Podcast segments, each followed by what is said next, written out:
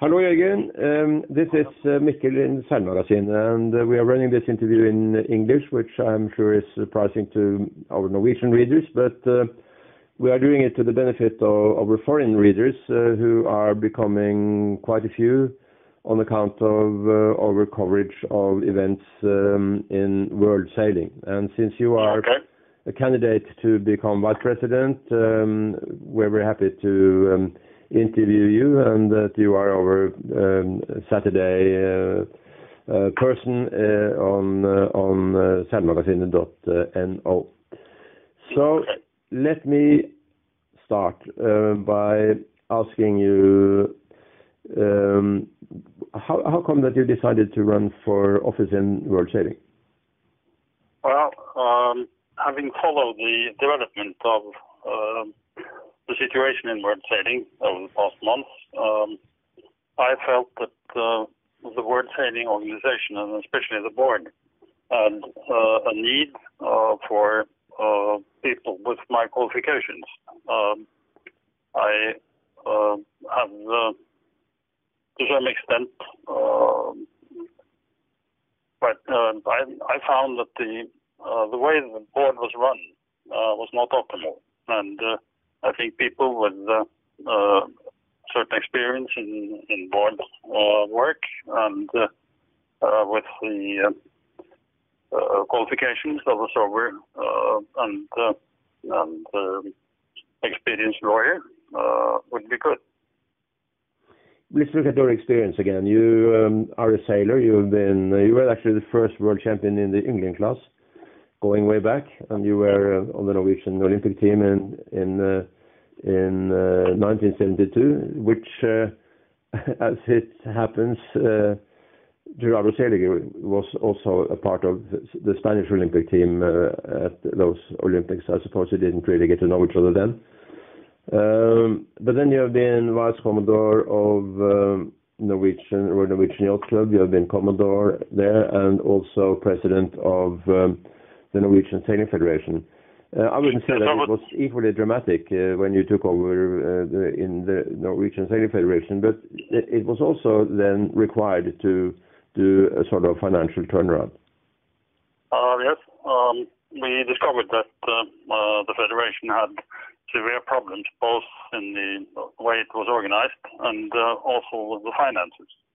So we needed to do a complete turnaround of the organization.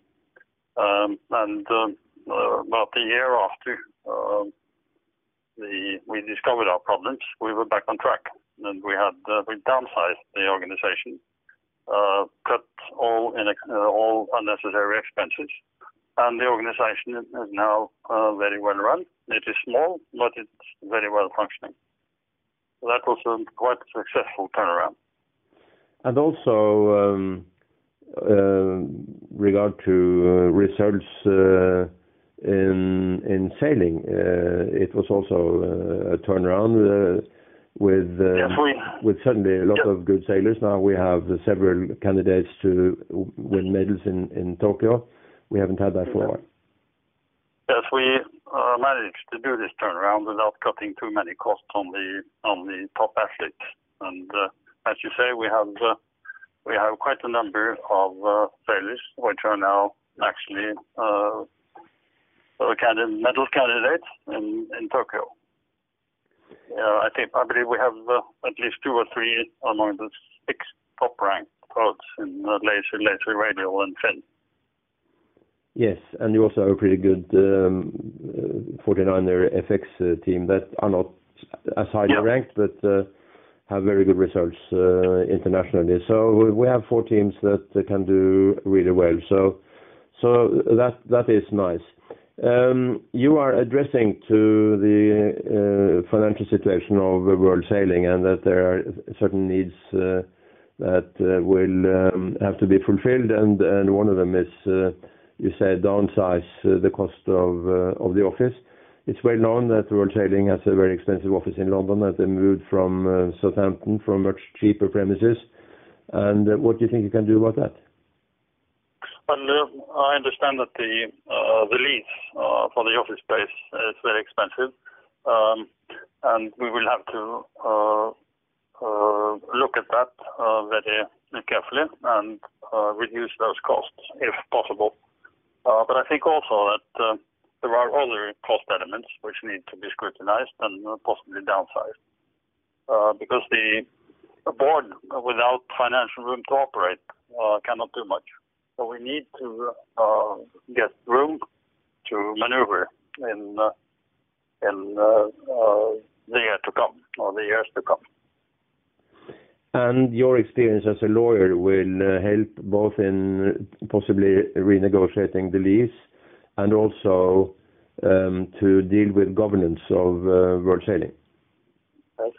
Uh, of course, um, having been a lawyer for 40 years, I uh, know something about renegotiating contracts, and I hope to be able to apply that experience and my knowledge um, for the benefit of World Sailing.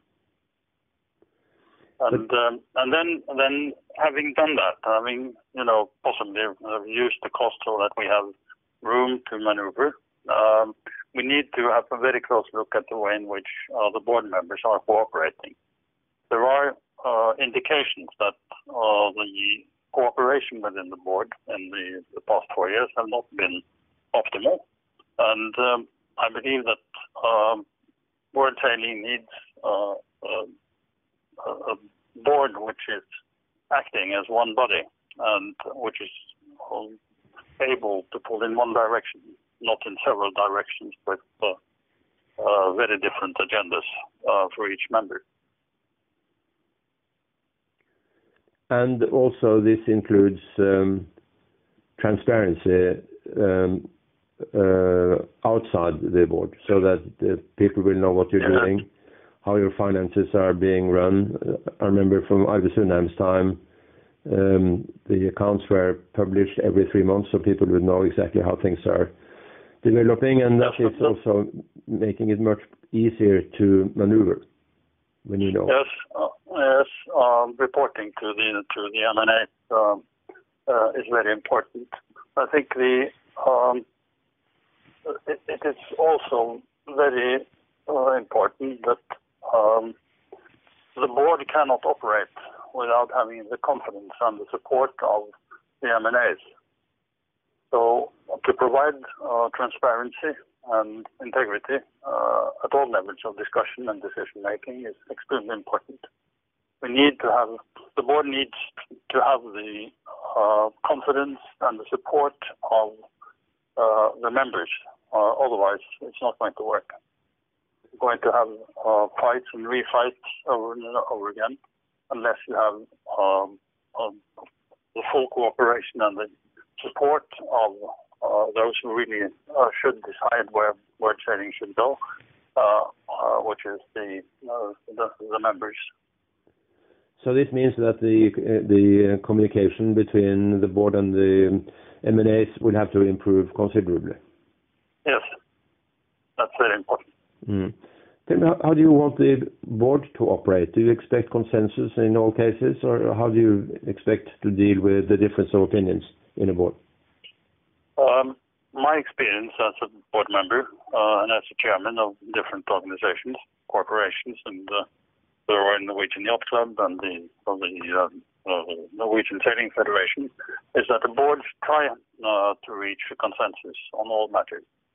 And if it's not possible quickly to reach uh, consensus, uh, one should try to discuss and find uh, common ground. Because if you have quick decisions with majorities um, voting and the majority wins, you very often find yourself in a very difficult situation the next time a similar question comes up. Um, A certain vengefulness and so on, uh, uh, you can see that very often. So therefore, in in my work as a, as the chairman and as the board member, I have also always tried to seek as much consensus as possible. Your uh, term as the president of the Norwegian Sailing Federation expires next spring. So that means that after that, you will have full time to concentrate uh, on helping the board and the new president uh, to put uh, world sailing back on the right track? That's right. That's right. My term ends in March. Hmm.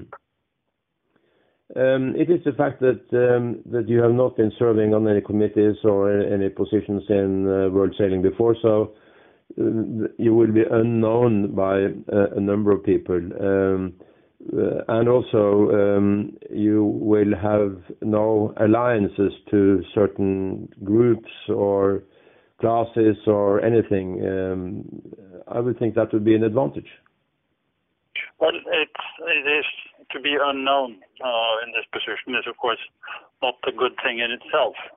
But it is Uh, an advantage to be independent of uh, persons and organizations, um, which uh, I believe could be said to have been a problem to some extent in World Sailing affairs. And not the least, you will be able to see things with completely fresh eyes, where you know where you have no That's um, right. No um, prejudice beforehand. So so that will probably help you and will be good for our board. Yes, I think, um, uh, you know, it's easier to keep your integrity, um, and your sort of uh, objectivity, uh, if you don't have many too many ties to past events and other persons, etc., cetera, et cetera. Is there any other matters that you would like to share with um, our readers and listeners on this occasion? Well, I think uh, there are certain, should we say, general issues which I um, think um, or which I um, will uh, work especially hard for if I get elected. And uh, I think the support of women sailing around the world is very good. It is good in itself, but it is also a way of recruiting more people to sailing. That is one area which I think is important. Um, and we need we need uh, also to try to uh, align the classes worldwide, uh, or at least region-wise, to see if we can get a more common uh, ground for competing and measuring the sailing, um, the results, et cetera, of sailing around in the different regions. Uh, I think also at least we have seen that in Norway, and I think that is probably um, uh, a common problem, that uh, sailing is not inexpensive. So affordability is increasingly important. And I think we need to inspire our members and their members to try and make sailing more available for people. Um, we have uh, used a lot of this uh, in Norway, uh, this thinking and club-owned equipment and so-called bag sailing are measures which have proved very successful in Norway. And uh, lastly, I'd like to mention that the emerging nations need special attention. And uh, World Sailing should try to deliver uh, to bring these nations up uh, to uh, become real sailing nations that could benefit World Sailing greatly. You mentioned the bag sailing, a term which is maybe not familiar to everybody, but which means that people can go on board a boat, bring their bag with the sail clothes, and they have paid a fee to be able to participate on a seasonal basis, and that is their tickets to sailing. Is that the right impression? Yes. The principle is that um, uh, the sailor pays a fairly low amount yearly uh, to uh, get access to a boat in the class. And he can reserve time for sailing digitally, go on board the boat, um, sail for a couple of hours or maybe more, and then come back to the club, leave the boat and go home when the club takes care of maintenance and uh, you know, uh, the provision of uh, of uh, spare parts and, and and so on. So it makes it possible for uh, busy people uh, to find time uh, to save, and it is also very affordable. Another area which uh, some people say have been neglected by world sailing lately is the Paralympics uh, and sailing being part of the Paralympic Games. Um, is that something that this new board should be working on, you think? Yes, I think so. Uh, it is important, but I think it, it is also sort of a common, this is a common ground that we should try to bring sailing back in Paralympics.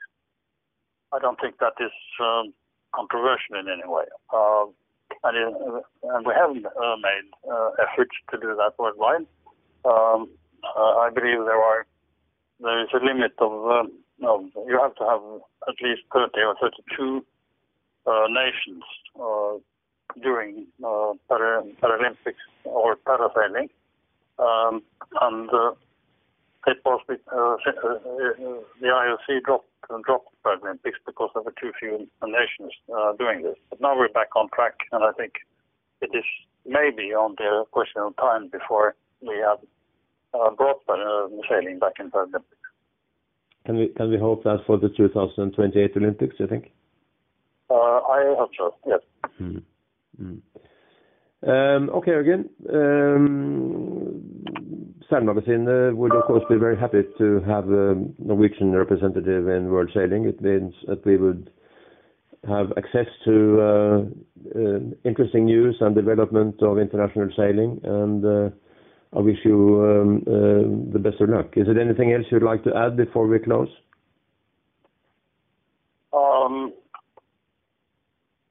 Well, I share your view that uh, there should be a person from northern uh, from the northern part of uh, uh, Europe on the board.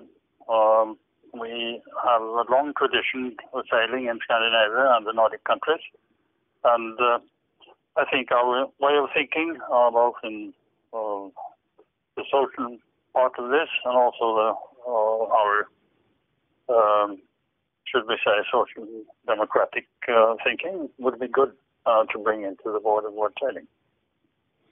Thank you very much. And again, best of luck. Thank you. Bye-bye.